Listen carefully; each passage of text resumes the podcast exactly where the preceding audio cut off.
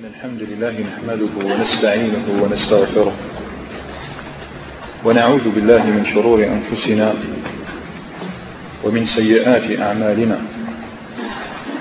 من يهد الله فلا مضل له ومن يضلل فلا هادي له وأشهد أن لا إله إلا الله وحده لا شريك له وأشهد أن محمدا عبده ورسوله وصفيه وخليله.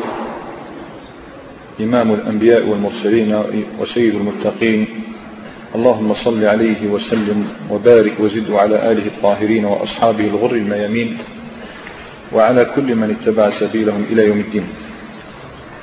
أما بعد فهذا هو المجلس التاسع والعشرون من مجالس دراسة السيرة على صاحبها أفضل الصلاة وأتم التسليم.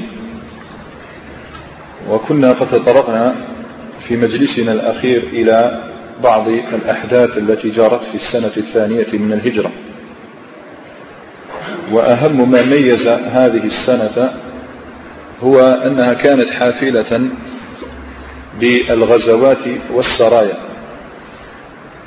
فذكرنا لكم في حينها أن العلماء اختلفوا في عدد غزواته صلى الله عليه وسلم وبينا الصواب أنها ثمانية وعشرون غزوة. ووعدناكم أن نسرد عليكم هذه الغزوات متسلسلة على حسب السنوات حتى يضبطها طالب العلم ويعلم عدد كل غزوة في كل سنة. فقلنا في العام الثاني في السنة الثانية كم كانت هناك من غزوة؟ ثماني غزوات. فبدءا بغزوة الأبواء ثم غزوة بواط ثم العشيرة ثم سفوان وقلنا هذه سفوان تسمى بدرا. الأولى فتلتها بدر الكبرى. فبنو سليم فبنو قينقاع فالسويق وليس ذا أمر التي ذكرناها بل السويق. وهذا في العام الثاني في السنة الثانية من الهجرة. وتخلل قلنا هذه الغزوات بعد السرايا. كنا قد شرحنا بعضا منها. وكان في العام الثالث هناك أربع غزوات. في العام الثالث فبدأ بذي أمر فبحران بضم الباء فأحد فحمراء الأسد وفي العام الرابع كان هناك غزوتان وهي بنو النضير وبدر الموعد. وفي العام الخامس كان هناك أربع غزوات دومة الجندل فبنو المصطلق فالأحزاب فبنو قريظة. وفي العام السادس كان هناك غزوتان وهي غزوة بني لحيان والحديبية.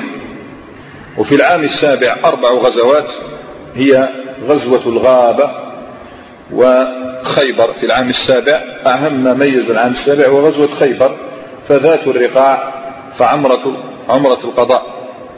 وفي العام الثامن كان هناك ثلاث غزوات هي فتح مكة فحنين فالطائف. فتح مكة فحنين فالطائف وآخر غزوة كانت في العام التاسع وهي غزوة تبوك. هذه غزوة 28 هل قاتل فيها رسول الله صلى الله عليه وسلم؟ فيها كلها. الصواب الذي عليه أهل العلم أن الغزوات التي قاتل فيها النبي صلى الله عليه وسلم هي تسع غزوات فقط. أي بمعنى أنه حمل السلاح ودخل وسط الجيش. يقاتل ويقتل ويضرب. وهذه الغزوات هي بدر الكبرى ثم أحد. فالخندق فبنو قريظة فبنو المصطلق فخيبر ففتح مكة أي في الطريق وحنين والطائف. هذه الغزوات التسعة كلها قاتل فيها النبي صلى الله عليه وسلم بنفسه. وسنرى كيف يقول علي بن أبي طالب كان إذا اشتد وحمي الوطيس احتمينا برسول الله صلى الله عليه وسلم. ثم تحدثنا عن السرايا. قلنا إن العلماء قد اختلفوا فيها. فمنهم من ذكر ستا وثلاثين ومنهم من ذكر ثمانية وأربعين منهم من ذكر ستا وخمسين منهم من عد ستين منهم من جعلها تفوق المئة وهو الحاكم رحمه الله. وتخلل ذلك قلنا بعض السرايا. أول سرية رأيناها سرية عبيدة بن الحارث ثم سرية حمزة في سيف البحر ثم سرية سعد بن أبي وقاص ثم السرية التي أطلنا الحديث فيها هي سرية عبد الله بن جحش. رأينا كيف استغل المشركون تلك الحادثة التي وقع من المسلمين خطأ أنهم قتلوا في شهر الله الحرام وهو رجب فاتخذوها فرصة لن تعوض وقالوا ها هو محمد يستبيح الحرم ويأمر الناس بتعظيم الحرمات. لكن الله تعالى كذب مزاعمهم وأنزل قرآنا يتلى إلى يومنا هذه وهذه العبرة التي نقف عندها. قلنا لا بد أن نقف عند هذا الأمر أن الله تعالى رأينا الله تعالى كيف دافع عن المؤمنين وبرأ ساحتهم من أهل الشرك المعاندين. رأينا كيف يعني جعل هجومهم بتلك المقالة جعله هباء منثورا حيث بين أنكم ما عليه من الشرك وصد الناس عن بيت الله والكفر بالمسجد الحرام أعظم عند الله تبارك وتعالى من أن يقتل رجل أو رجلان. وهذا الذي يسير عليه الكفار في كل زمان ومكان. كل زمان ومكان هكذا الكفار. فلا شك أن شعار هؤلاء آه، إبادة شعب بكامل مسألة فيها نظر وقتل رجل كافر جريمة لا تغتفر. وهذا يذكرنا أيضا بتلكم القصة التي حدثت للإنجليز يوم كانوا يستعمرون البلدان العربية. جاء أحدهم يريد أن يقتل مسلما يريد أن يقتله. يريد أن يقتله. فهذا المسلم دافع عن نفسه يعني ضرب بيده حتى لا يقتله. فالتفت إلى الناس وقال انظروا إلى الإرهابي هذا. يعني انظروا إنه يضربني لا يدعني أقتله. فهذا هو حال المسلمين اليوم. يعني يضربون فإذا دافع عن أنفسهم يتهمون مثلا بالإرهاب وغير ذلك. فإن حدث خطأ من بعض المسلمين فليعلم الكفار أنهم ما أشد ما هم عليه من الكفر وصد الناس عن دين الله ونشر الفواحش والموبقات أعظم عند الله تبارك وتعالى من كل ذلك. هذه عبرة مهمة كأن الله يعلمنا تصحيح المفاهيم وعدم الانجراف وراء الأغاليط إياك أن تبقى تدافع عن رأيك. بل هاجم أنت هاجم معتقداتهم الفاسدة وآرائهم المنحرفة الكاسدة. والعبرة الثانية رأينا كيف أن الله تعالى شوق المسلمين شوقا عظيما إلى القتال. خرجوا في عدة غزوات في عدة سرايا ولم يحدث هناك قتال. كان الله تعالى يريد أن يظهر علمه في الناس حتى يتمرن هؤلاء ويتدربوا على أن القتال إن حمل القتال وإن أعلن القتال فهو قتال بأمر الله وإخلاصا لله واتباعا لرسول الله صلى الله عليه وسلم. يعني هذا الله ما يريد أن يفعله أنه لا يجعل المؤمنين يقاتلون حمية هكذا انتقاما لا بل تقاتلون وفق الأوامر من الله تبارك وتعالى أو رسوله صلى الله عليه وسلم. هذا عامل ابتلاءات يعني ابتلاءات من جميع الأنواع ابتلاءات يعني تحمى القلوب تريد أن تقاتل. ابتلاهم قلنا بالخوف الذي ساد المدينة هم صابرون. وجاء أمر ثالث وجاء أمر ثالث وهو الذي سنراه اليوم إن شاء الله تبارك وتعالى فمجلسنا هذا. نعقده لدراسة أحداث أخرى حدثت في السنة الثانية. أولا ندرس تحويل القبلة. ثانيا الكلام عن أهل الصفة. لا شك أن الإنسان قد يتساءل ما باله ما باله يتحدثون عن عن أهل الصفة. الجواب أن أهل الصفة يعطوك صورة كاملة شاملة للحالة الاقتصادية التي كانت تسود في المدينة. رأينا الحالة الأمنية. ما فيش أمن. الحالة الاقتصادية سنرى. ومع الابتلاء هذا الذي يسود المسلمين. فهذا حال أهل الصفة لابد من أن نقف عنده. ثم نتحدث عن تشريع شهر الصيام. وبعد ذلك نتطرق إلى حادثتين. فرعيتين هي زواج علي بن أبي طالب من فاطمة رضي الله تعالى عنها. ونرى رقية بنت النبي صلى الله عليه وسلم على فراش الموت. نبدأ إن شاء الله تبارك وتعالى. أين توقفنا في أي شهر؟ توقفنا في شهر رجب. في شهر رجب. حدثت الحادثة. ما إن انقضى شهر رجب وأهل عليهم شهر شعبان حتى جاءتهم هدية عظيمة من السماء. وهذه الهدية بقدر ما كانت تثلج صدور المؤمنين المسلمين بقدر ما أغاضت قلوب اليهود الحاقدين. فاليهود اليوم بتحويل القبلة ستفقد شيئا نفيسا عظيما. اليهود يعني حتخسر شيء عظيم ما هو؟ سينقطع آخر حبالها بنبي الرسالة كانوا يزعمون أنهم على حق على الأقل هذا النبي محمد صلى الله عليه وسلم الذي نزل بأفصح الكلام الذي جاء بأفصح الكلام والذي أظهر الله تعالى عليه كثير من المعجزات ينتمي إلى قبلتنا. كانوا يتبجحون بهذا. الآن اليوم ستذهب هذا الأمر.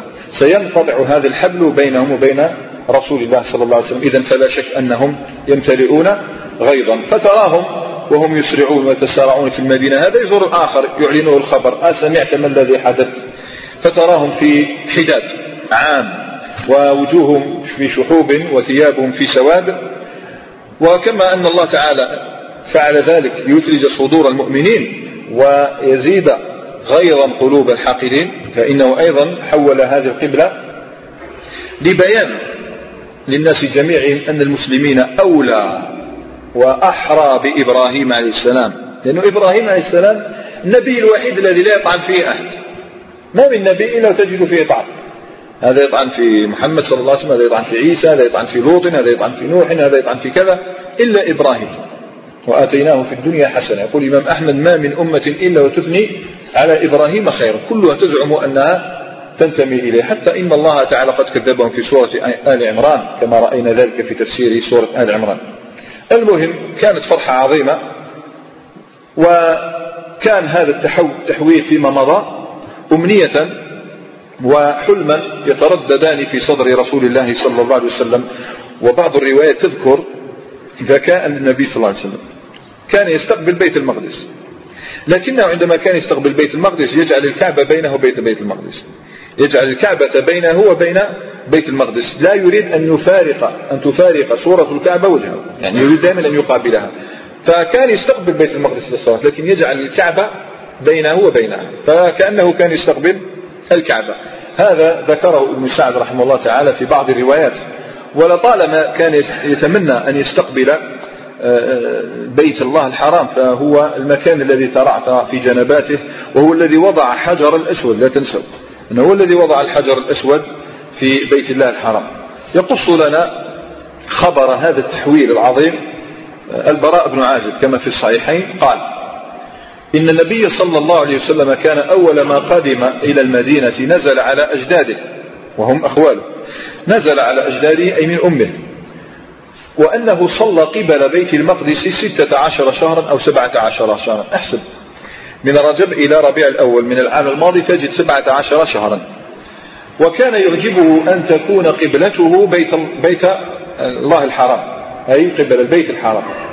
فصلى أول صلاة إلى البيت الحرام صلاة العصر وبعض رواية تقول صلاة الظهر بعض رواية تشك يقول إحدى صلاة العشي.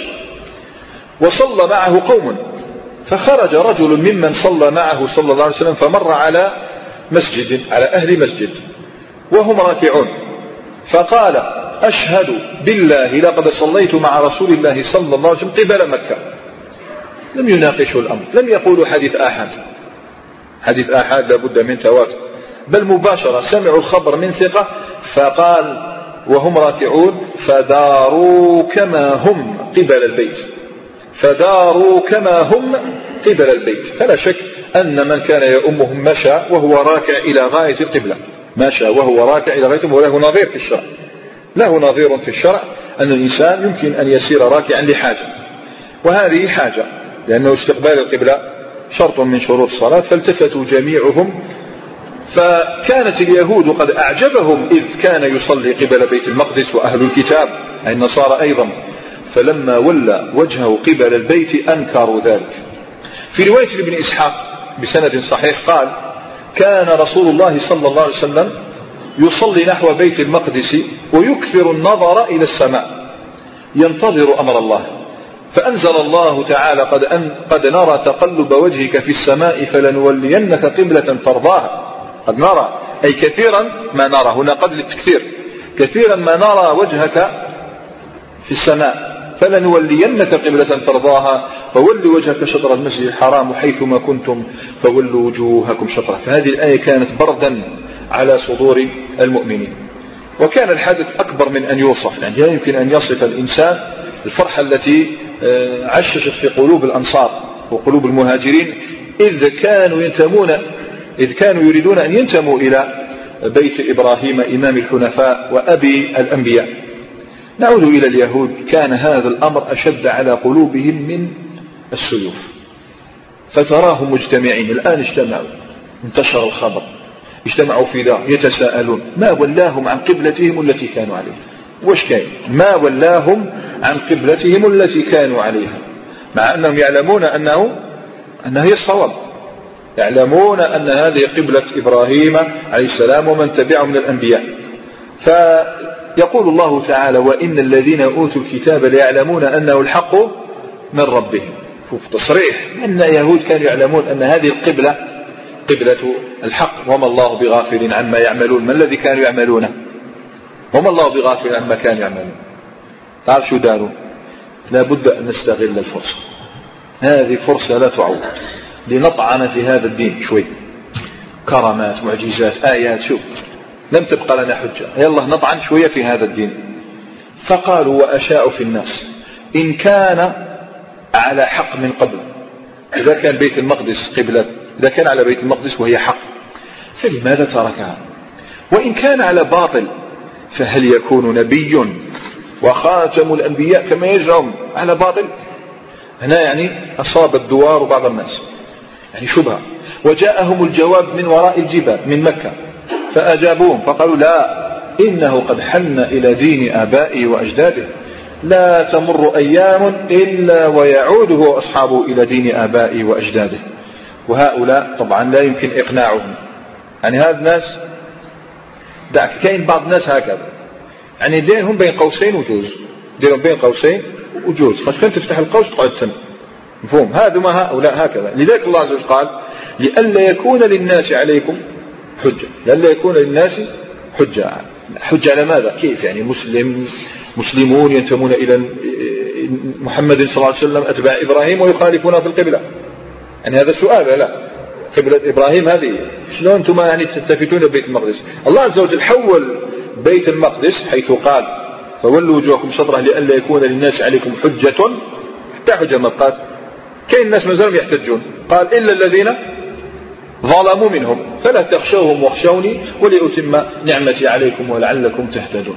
إذا كان هذه الآية سورة البقرة من أعظم الصور التي عالجت أحداث السنة الأولى والثانية كما رأينا. شريعة القتال وغير ذلك. وسنرى لا تزال تبقى تمشي معنا سورة البقرة فهي أول سورة نزلت بالمدينة.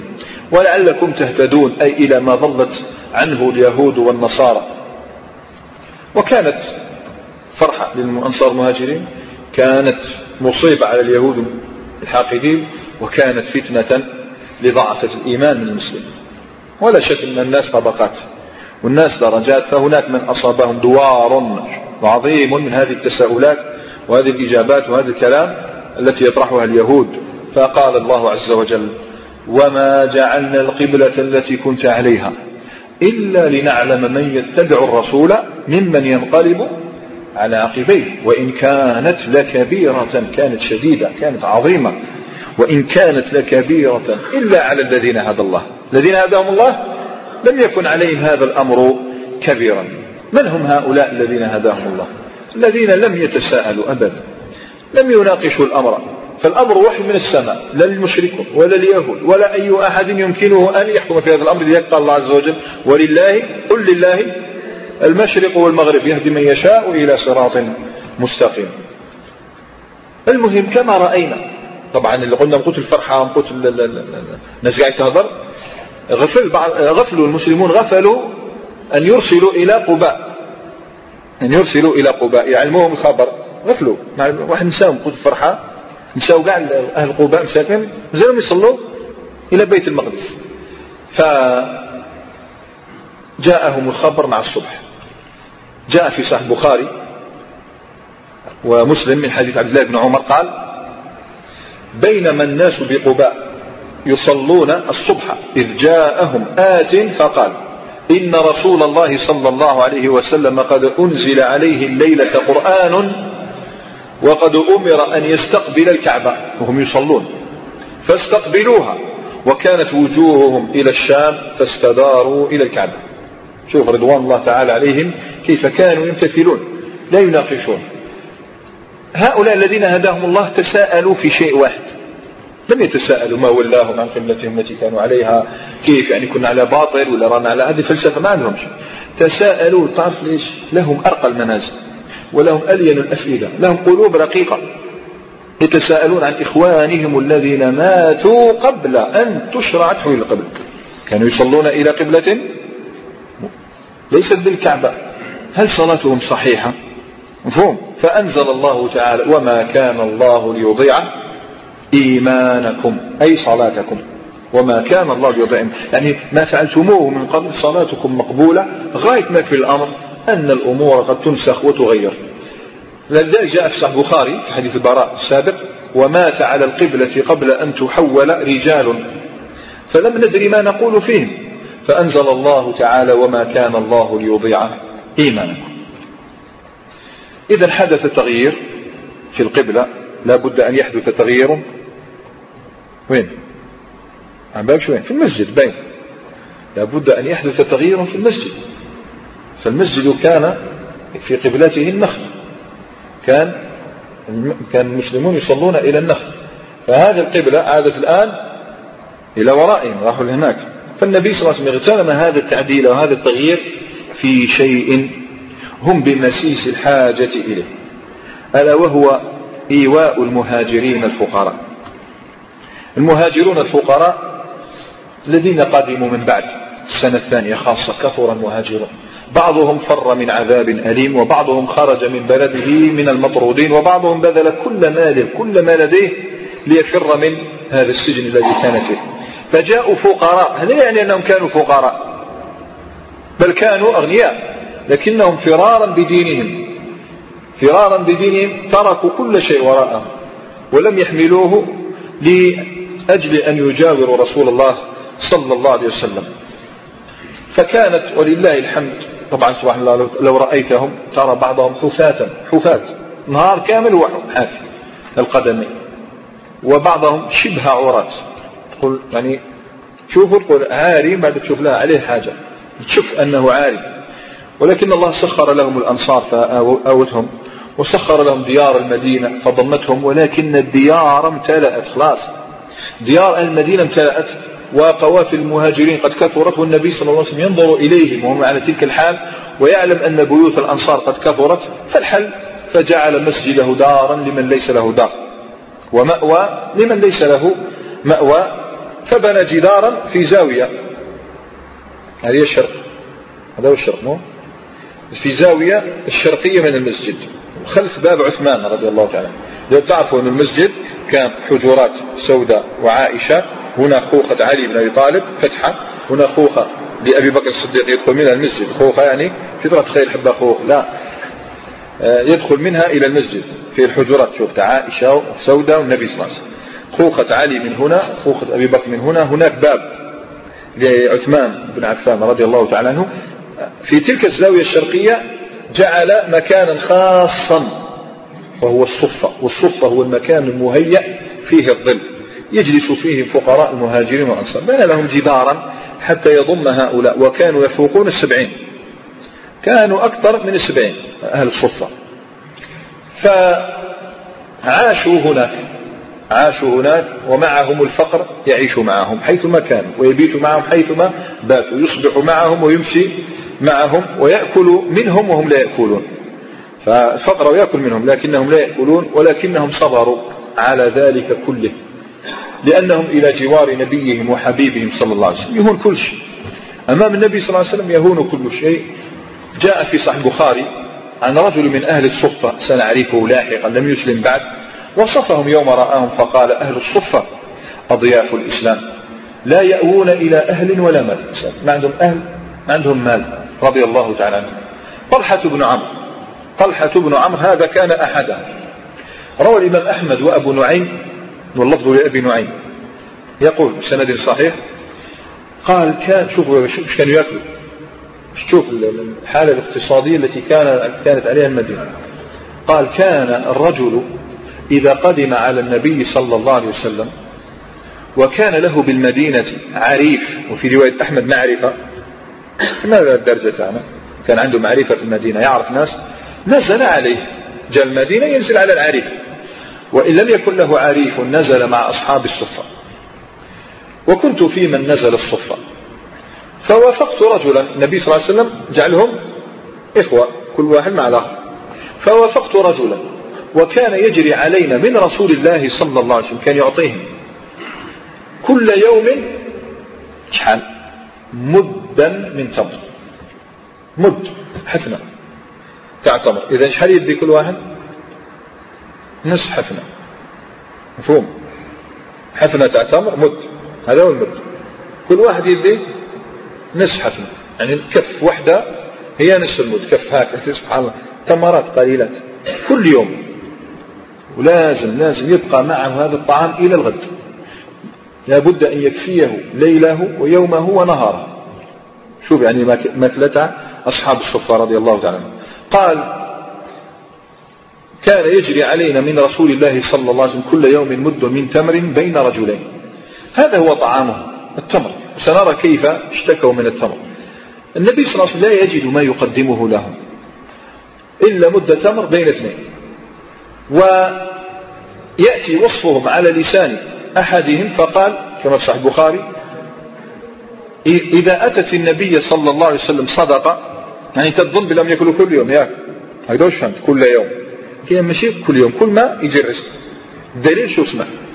كان النبي صلى الله عليه وسلم صلى الله عليه وسلم إذا أتته صدقة يأكلها؟ لا. بعث بها إليهم ولم يتناول منها شيئا. هنا وين يصيبوا المدة تاعه هنا. كيجي وإذا أتته هدية أرسل إليهم وأصاب منها. لأنه حتى هو جائع وأشركهم فيها صلى الله عليه وسلم. إذا فنصف المد هذا نصف المد لم يكن يوميا.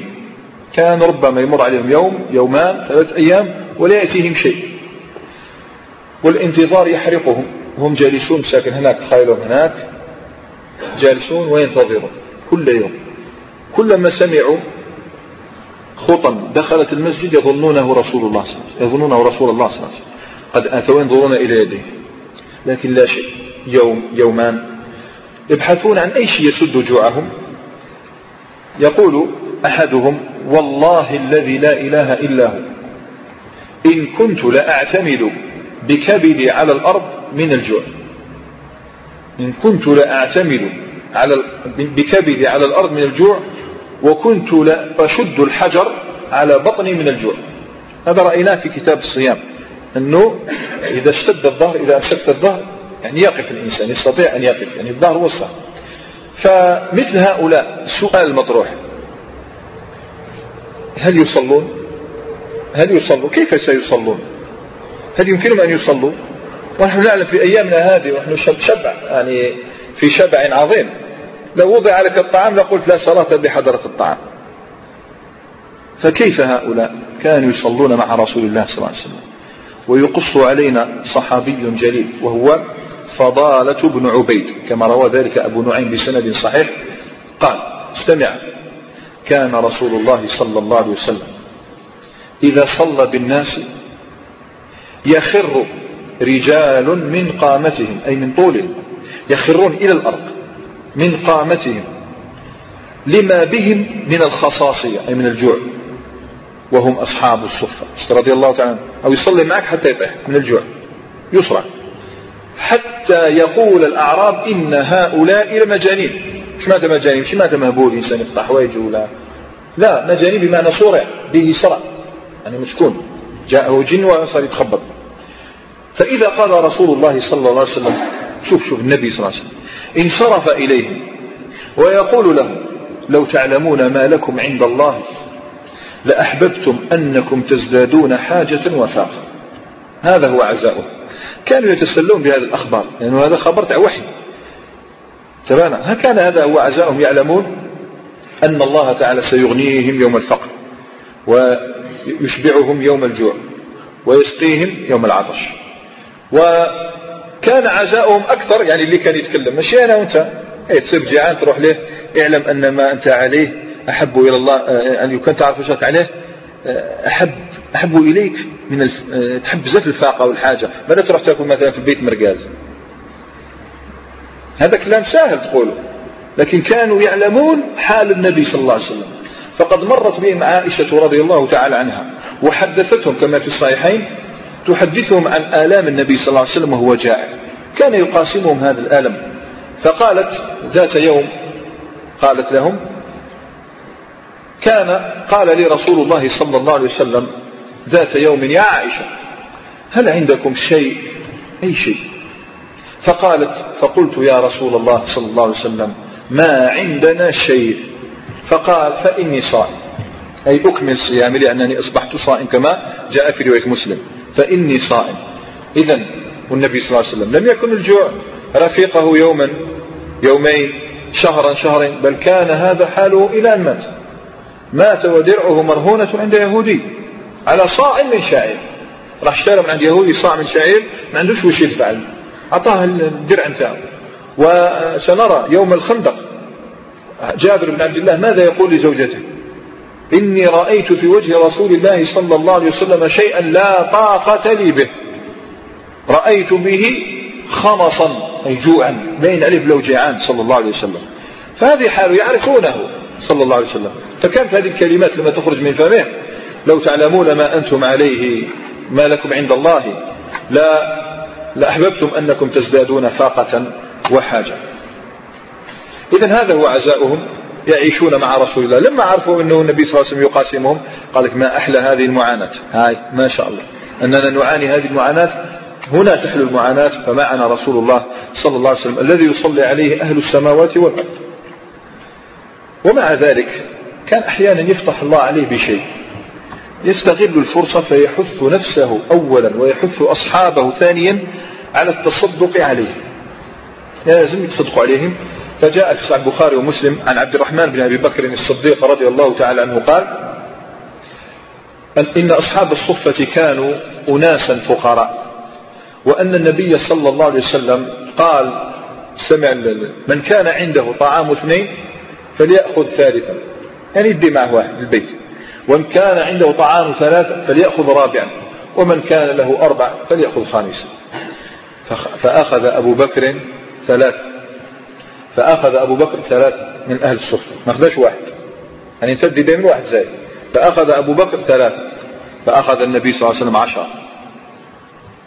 ما قال يحث على الشيء ولا يفعل. فأخذ معه إلى بيته عشرة يطعمهم مما أطعمه الله تعالى. هذا هو حالهم. فاستمعوا إلى شكواهم. مرة اشتكوا للنبي صلى الله عليه وسلم. روى الإمام أحمد عن طلحة بن عمرو. وهو من أهل الصفة كما مر. يقول قال رجال أو رجل من أصحاب الصفة يا رسول الله صلى الله عليه وسلم قد أحرق بطوننا التمر. تمر أحرق بطوننا خلاص. لم نعد نستطيع نأكله. وتخرقت عنا الخنف. والخنف هي الكتان الغليظ كتان ماشي حرير ماشي على الأقل يشبه الحرير. كتان غليظ ورديء هذا الخنف. وخرق وتخرق علينا الخنف. فصعد رسول الله صلى الله عليه وسلم فخطب. فقال والله لو وجدت خبزا. شفتوا وصلت كما نقول إحنا رئيس دولة أمير سلطان. والله لو وجدت خبزا يعني خبز ما عندوش. لو وجدت خبزا أو لحما لأطعمتكموه يحلف لهم كان عندي أطعمكم إياه. أما إنكم توشكون أن تدركوا؟ أو جاي نهار تدركون شيئا. ومن أدرك ذلك منكم سيتغير زمان أن يراح عليكم بالجفان. يقول يمر عليكم بالجفان المالئة حدث هذا ولا ما حدث؟ حدث. بعد الفتوحات توسع وسع الله تبارك وتعالى على المسلمين. أن يراح عليكم بالجفان وتلبسون مثل أستار الكعبة. أستار الكعبة؟ هكذا تلبسوا ألبسة مثلها. فهذه كانت بشرى للأنصار. وكانت بشرى للمهاجرين أن الله سيفتح عليهم. قال هذا الصحابي طلحة بن عمرو فمكثت أنا وصاحبي ثمانية عشر يوما وليلة وما لنا طعام إلا البرير. البرير هو الثمر الذي ينبت في شجر الأراك. ثمر البرير الثمر ينبت في شجر الأراك إذا اسود وفسد اسمه البرير. كان يأكلوا هذا 18 يوم وليلة.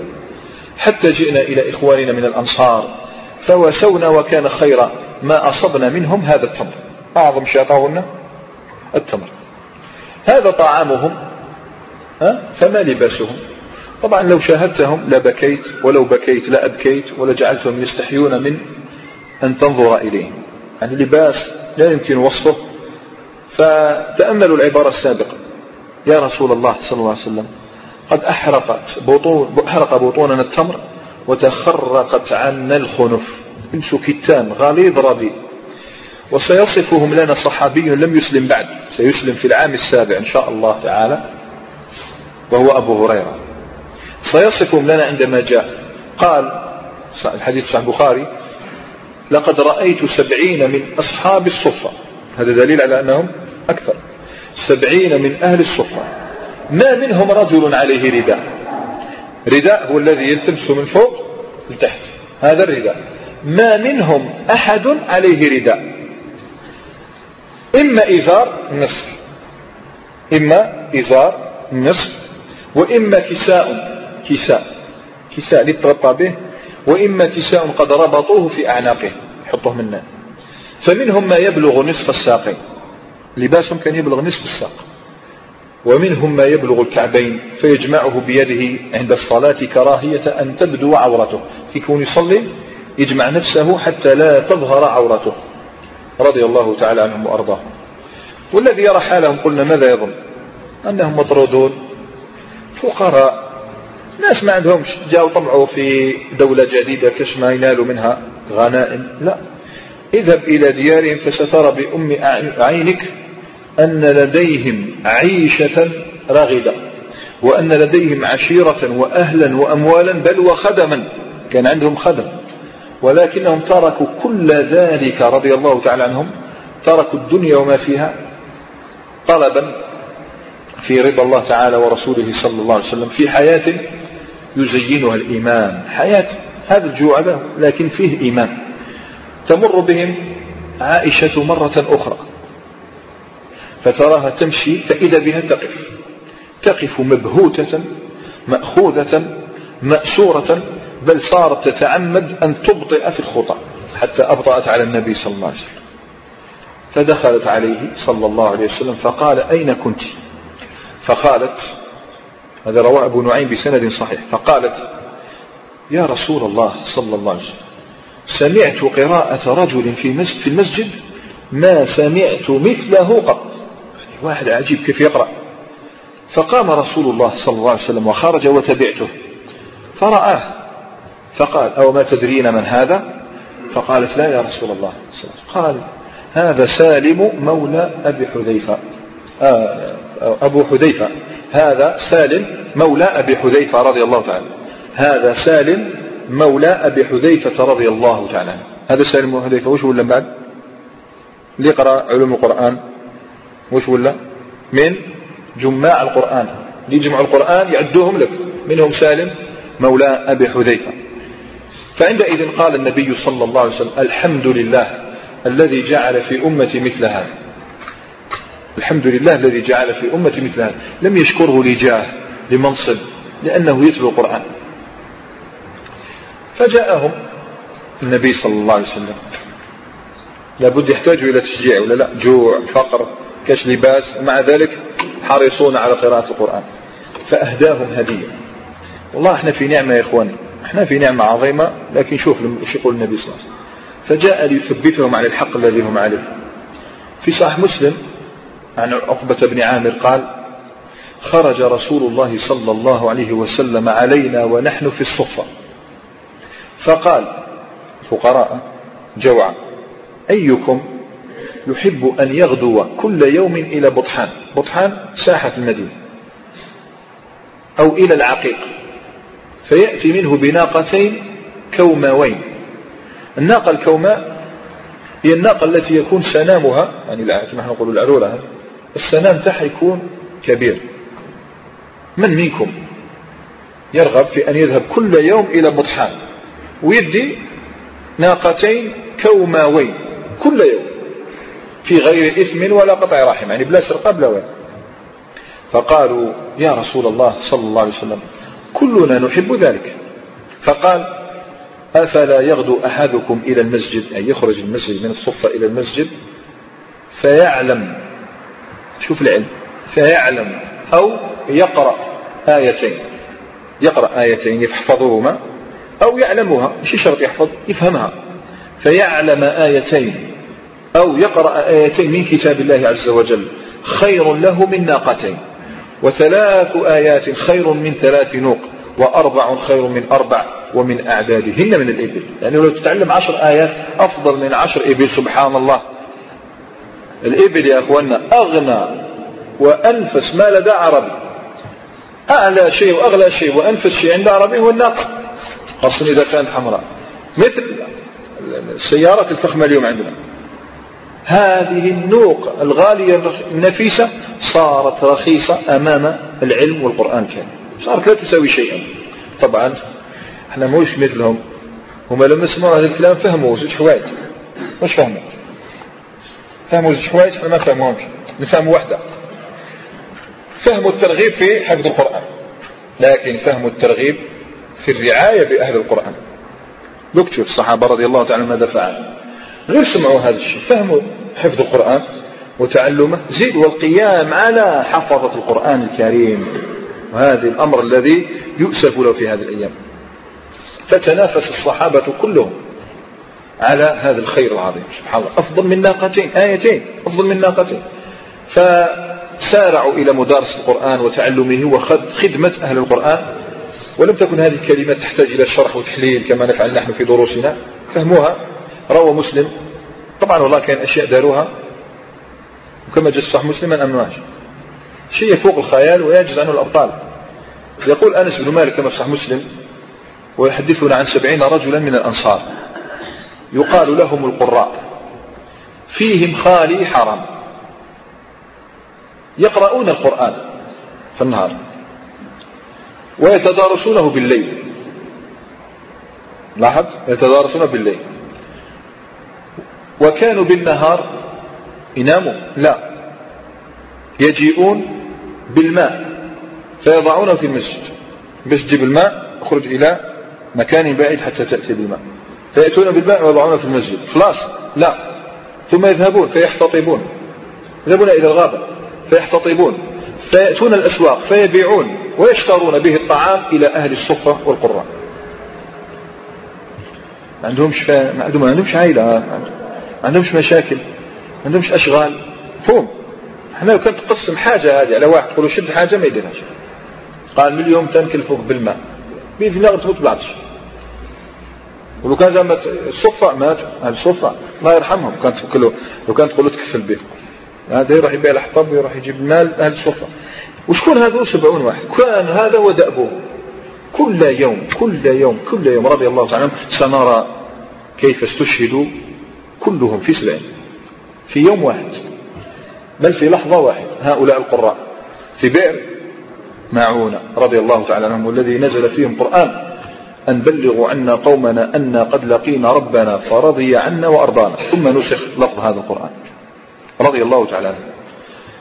هذه الحياة هي التي رسمها لهم القرآن في الحقيقة. أما رسول الله صلى الله عليه وسلم فجاءهم في صباح اليوم التالي بوحي جميل جديد. وحي يجعل شفت الفقر اللي شفناه؟ مش شفناه يعني عشناه. شفت الفقر الذي قرأناه الآن؟ النبي صلى الله عليه وسلم شوف سبحان الله سبحان الله العظيم كيف يشرع للعباد؟ هذا الفقر حوله إلى عبادة حوله إلى عبادة. دوك تعبد الله عز وجل بهذا بهذا الجوع وبهذا العطش.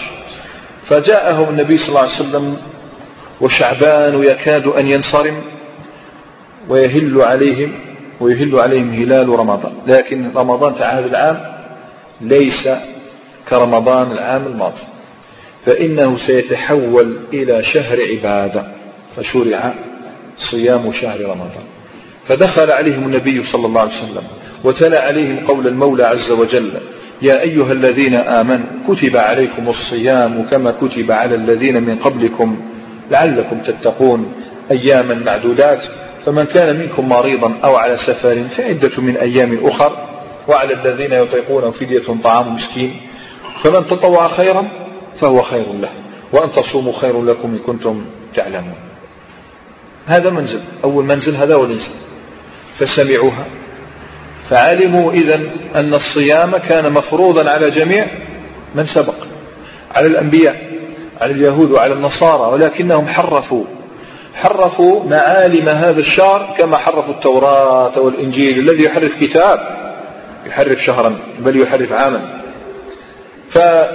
طائفة منهم كانوا يصومون بحسب ما تمليه عليهم رهبانهم وطائفة كانوا يصومون كما تمليه بحسب ما تملي عليهم أحبارهم كما يحبوا واليوم جاء النبي صلى الله عليه وسلم يقول لهم قف اليوم نعود إلى صيام رمضان كما كتب على الذين من قبلنا. كل ذلك تهيئة للنفوس تاع المؤمنين يتقبلوا الجهاد السياسي باش يكونوا أهلا لأن يحملوا رسالة إلى مشارق الأرض ومغاربها. فكيف كان الصيام في من قبلنا كان الصيام هو بمعنى ما نعرفه اليوم. هو الإمساك عن شهوتي الفرج والبطن. من الفجر إلى غروب الشمس. غاية ما في الأمر أنه لو نام أحدهم يعني يأكل بعد المغرب إلى العشاء غالبا متى ينام الناس؟ متى ينام؟ بعد العشاء. لذلك سيأتي بعضهم يقول لك كان الصيام من الفجر ما لم تأتي العشاء لأنه في العشاء كانوا ينامون ما كانوش يسهرون. فهذا الشرط. إذا نام يأكل بعد المغرب يأكل بعد العشاء لكن لو نام يحرم عليه الأكل يعني مثلا نام على التاسعة بعد العشاء مثلا ساعة بعد العشاء. فقام بعدها بنصف ساعة ما يجوزلوش يأكل إذا كان رمضان شديدا. كان رمضان شديدا على الناس. يعني عندك فرصة تأكل بعد المغرب إلى غاية نومك. كان تنام خلاص. والله عز وجل فرضه في أول الأمر بالخيار. من شاء صام فهو خير. علاش قال وأن تصوموا؟ خير لكم. ومن شاء أفطر ويتصدق. عن كل يوم يطعم مسكينا. أغلب المدينة شحال؟ فقراء ولا أغنياء؟ أغلبهم شفنا الأزمة الاقتصادية؟ أغلبهم فقراء أن لهم أن يفطروا ثم يطعموا فاستجابوا كلهم لقوله عز وجل وأن تصوموا خير لكم إن كنتم تعلمون. كلهم كانوا هكذا. فلم يدم ذلك إلا أياما. هذا الخيار هذا أياما فقط. وبعد ذلك تغير الحكم. ففرض الله تعالى عليهم جميعهم صيام رمضان. إلا. كشف الخيار إلا طائفة قيل أنا مسافر أفطر وعليك القضاء. كنت مريضا أفطر وعليك القضاء. العجوز الفاني الشيخ الفاني والعجوز والحامل والمرضع والمريض مرضا مزمن أفطر وعليك الفدية. أنت تبقى تطعم. تغير الحكم. مع الأول كان اختر من شاء صام ومن شاء أفطر ويطعم. عن كل يوم مسكين. الآن لا لا خيار. كلهم يصومون. من يبقى يفطر ويفتي المريض الذي لا يرجى برؤه الشيخ الفاني والحامل المرضع المسافر أعاده. ومن كان منكم مريضا أو على سفر فعدة من أيام أخرى. فجاءهم النبي صلى الله عليه وسلم فتلا عليهم قوله عز وجل قوله عز وجل شهر رمضان الذي أنزل فيه القرآن هدى للناس وبينات من الهدى والفرقان فمن شهد منكم الشهر فليصمه. طبعا لا شك أن الإنسان يبقى شهر رمضان الذي أنزل فيه القرآن. هنا بقات الناس تعلق بهذه الكلمة. فمن شهد منكم الشهر فليصمه كل من حضر الصيام فليصم. ومن كان مريضا أو على سفر فعدة من أيام أخر يريد الله بكم اليسر ولا يريد بكم العسر. ولتكملوا العدة ولتكبروا الله على ما هداكم ولعلكم تشكرون. فهنا يقول سلمة بن الأكوع لما نزلت هذه الآية وعلى الذين يطيقون فدية طعام مسكين كان من أراد منا أن يفطر ويفتدي فعل حتى نزلت الآية التي بعدها فنسختها واضح ولا لا؟ هذا في سنن آه، صحيح البخاري ومسلم. واللفظ لأبي داود. وش الحاجة اللي قاستهم كما نقول؟ شهر رمضان الذي أنزل فيه القرآن. إذا علموا أنه حق عليهم أن يصوموا الشهر. حق ما كاش إفطار يعني حق لما نحينا ذيك الفدية أفطر وفدي والله لا يستحقها رمضان. رمضان يستحق ما؟ أن نصومه.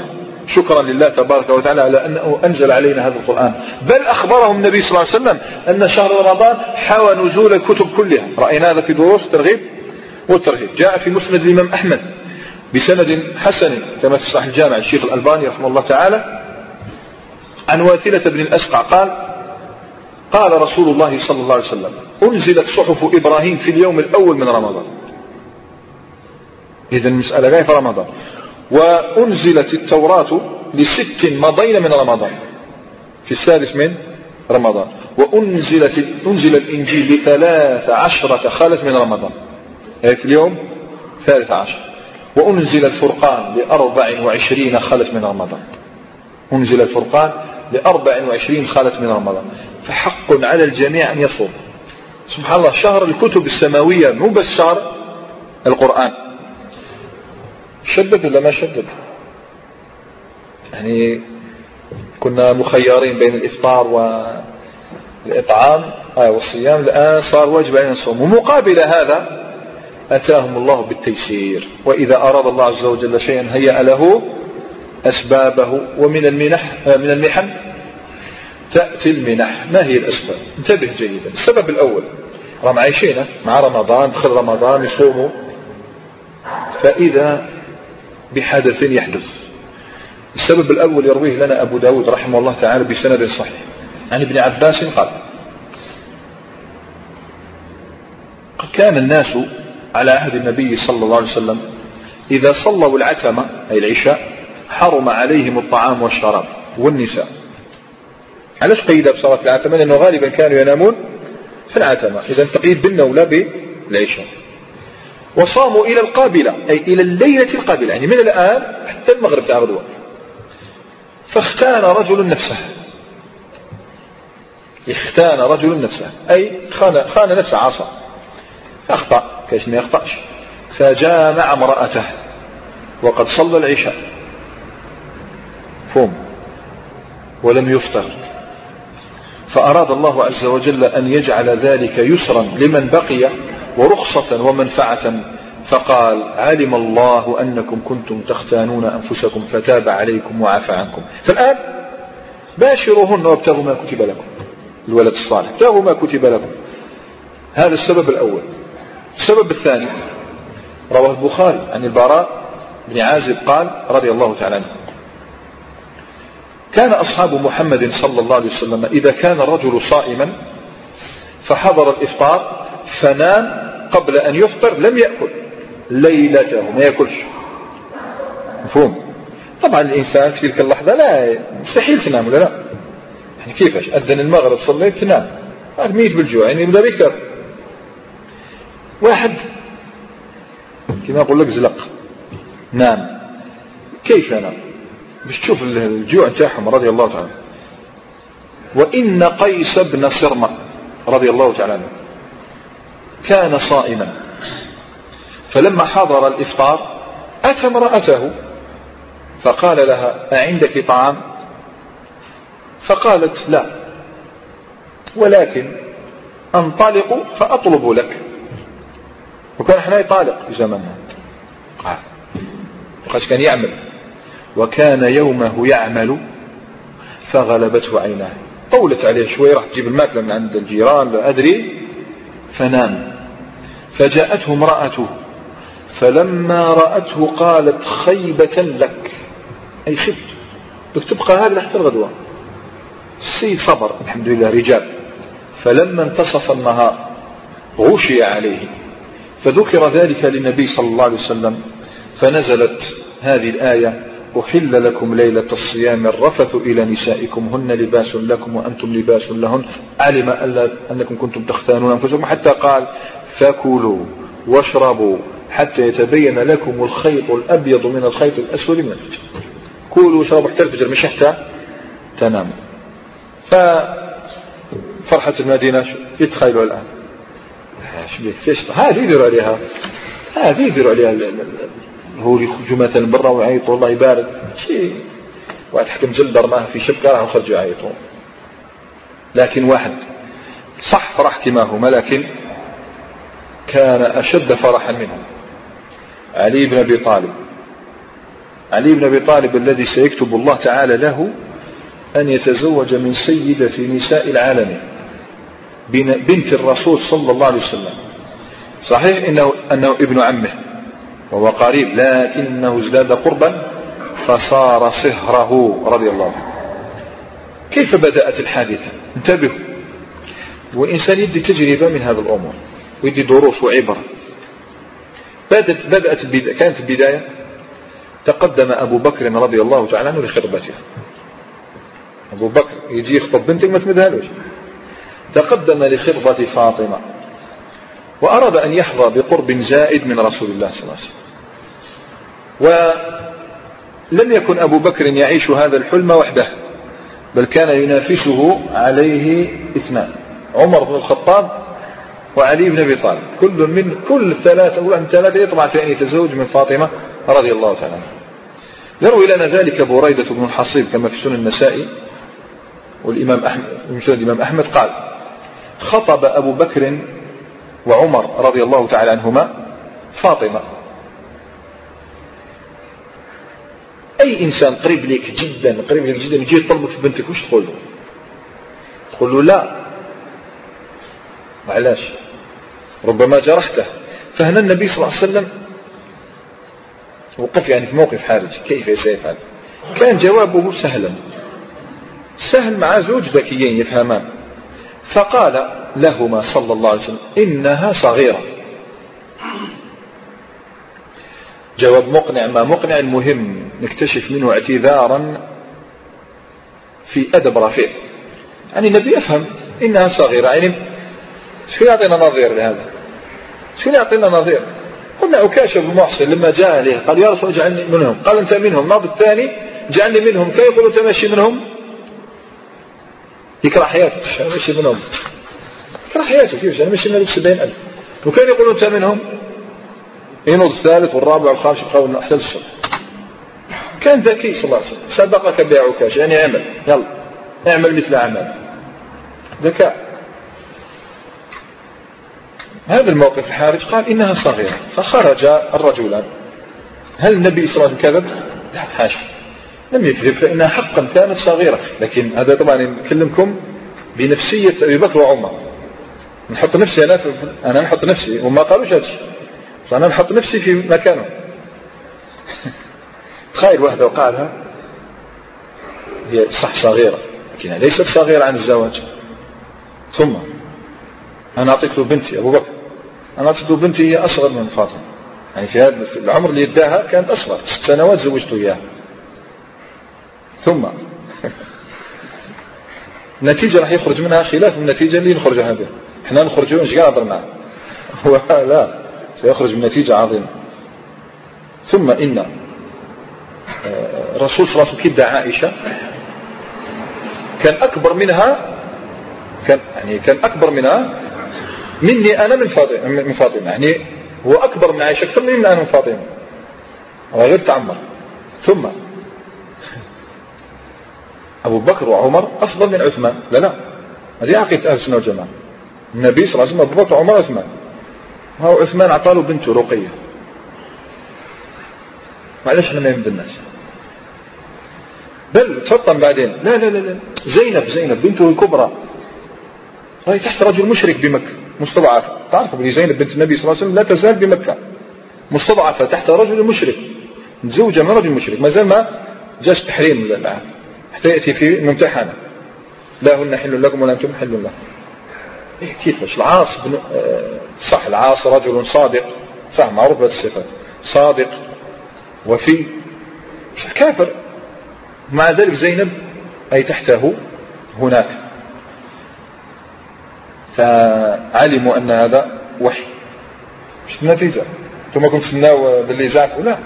علموا أن في الأمر شيئا وحي.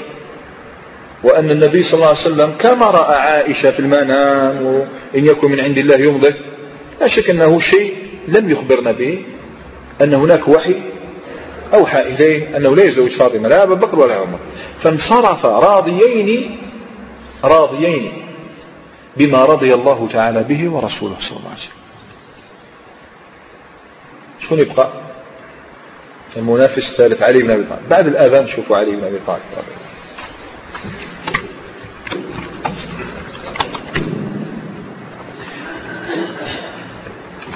نكمل إن شاء الله.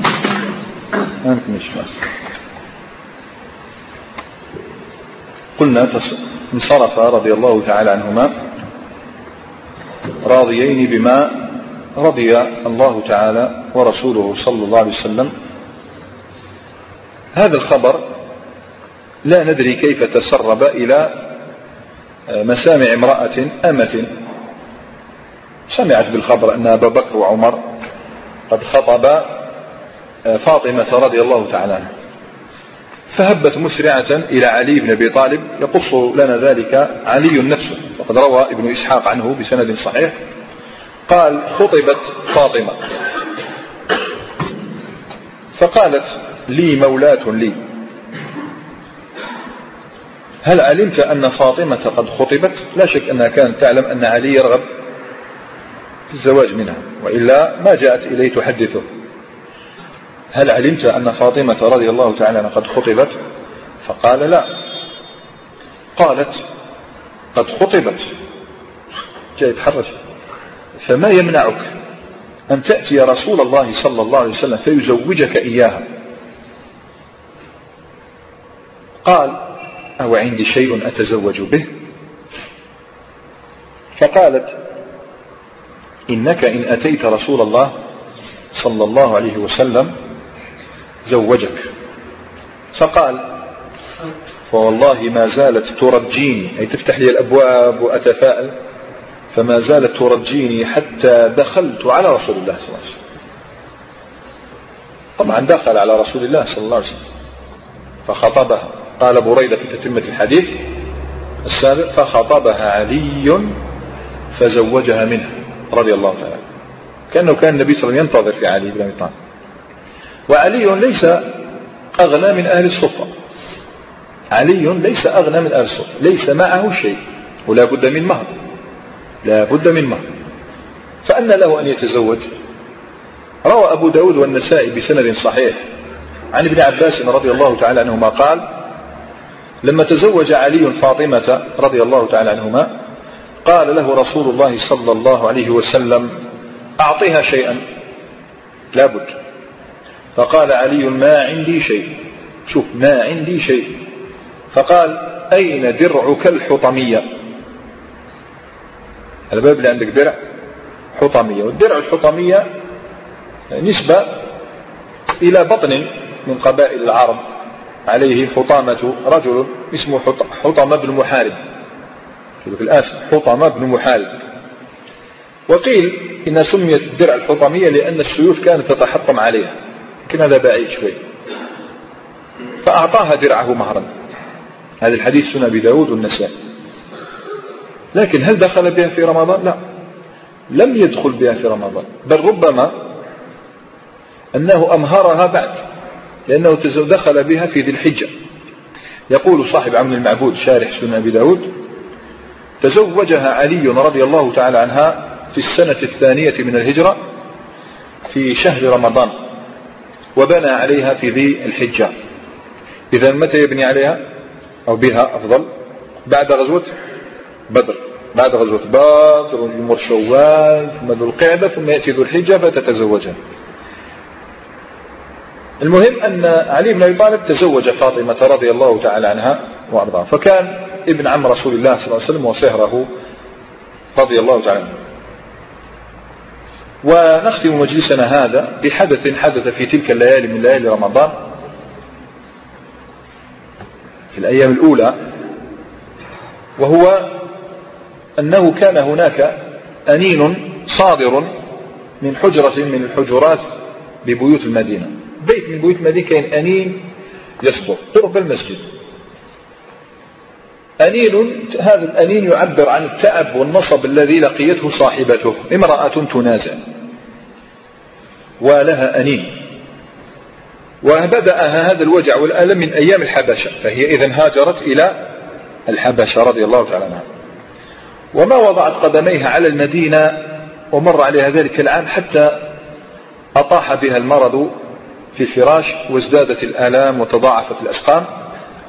إنه أنين فلذة كبد رسول الله صلى الله عليه وسلم رقية رضي الله تعالى عنها زوجة عثمان بن عفان رضي الله تعالى فلم تكن تنتعش بهواء المدينة هواء الأمن والأمان والإيمان قلنا حتى مرضت فأتاها النبي صلى الله عليه وسلم وعادها فوقف أمام بضعة منه وهو يراها تتألم من الأوجاع. ولكنه في الوقت الذي يتألم فيه من الأوجاع ينظر إليها. لا شك أن القلب يحن عليها. لكنه يتذكر الأمة أمة أمان والرسالة أمان والمهاجرون وأهل الصفة جوعى آه، والمسلمون قد سلبوا أموالهم وديارهم وكل شيء عندهم بمكة. وها هي رقية مريضة ثم زاد همه.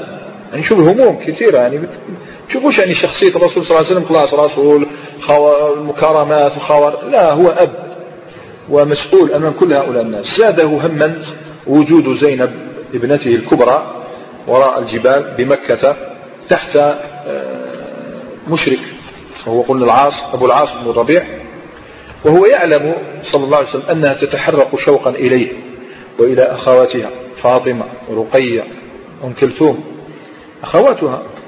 ولا تدري لعلها لا تلقاهم. ولا ولا تلتقي بهم وكان شوق رسول الله صلى الله عليه وسلم إليها أكثر وأكبر. فقد عانت الكثير والكثير. إنها ابنة نبي تحت عصمة مشرك. صحيح قلنا إنه وفي صادق لكنه مشرك. وكان هذا الرجل شغوفا بها ولكنها كانت تعاني وتختنق بحبال شركه وكفره. هموم تتداعى كلها أمام النبي صلى الله عليه وسلم. والله لو, لو وقعت هذه الهموم على صخر لهشمته وأطاحته. والنبي صلى الله عليه وسلم لا يستطيع أن يبقى مع ابنته لا يستطيع الآن أن يبقى معها. بل سمع ووصله الخبر بأن قافلة لقريش قادمة من الشام. ولا بد أن يعترضها وهذا هو السبب لظهور غزوة بدر الكبرى. هذا ما نراه إن شاء الله تبارك وتعالى في المجلس اللاحق. نكتفي بهذا القدر وسبحانك اللهم وبحمدك. أشهد أن لا إله إلا أنت أستغفرك وأتوب إليك. وبارك الله فيكم أجمعين. السلام عليكم.